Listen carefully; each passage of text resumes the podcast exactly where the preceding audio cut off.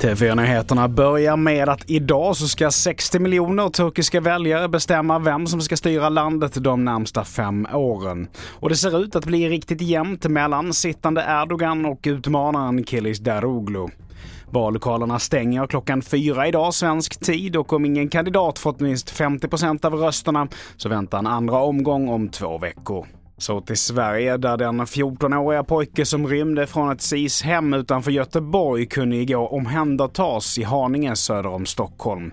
Det var i måndags som pojken avvek från ett behandlingshem och han är sedan tidigare misstänkt för en skottlossning i Fruängen i januari.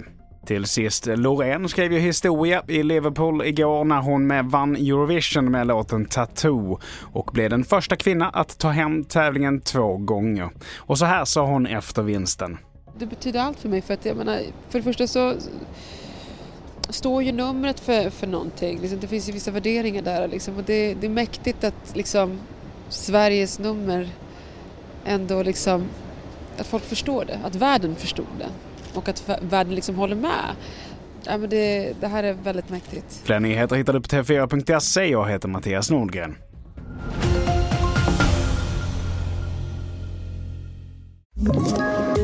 Poddtips från Podplay.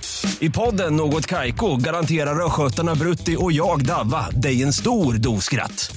Där följer jag pladask för köttätandet igen. Man är lite som en jävla vampyr. Man har fått lite blodsmak och då måste man ha mer.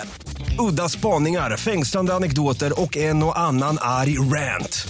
Jag måste ha mitt kaffe på morgonen för annars är jag ingen trevlig människa. Då är du ingen trevlig människa, punkt. Något Kaiko, hör du på Podplay. Därför är gardinerna.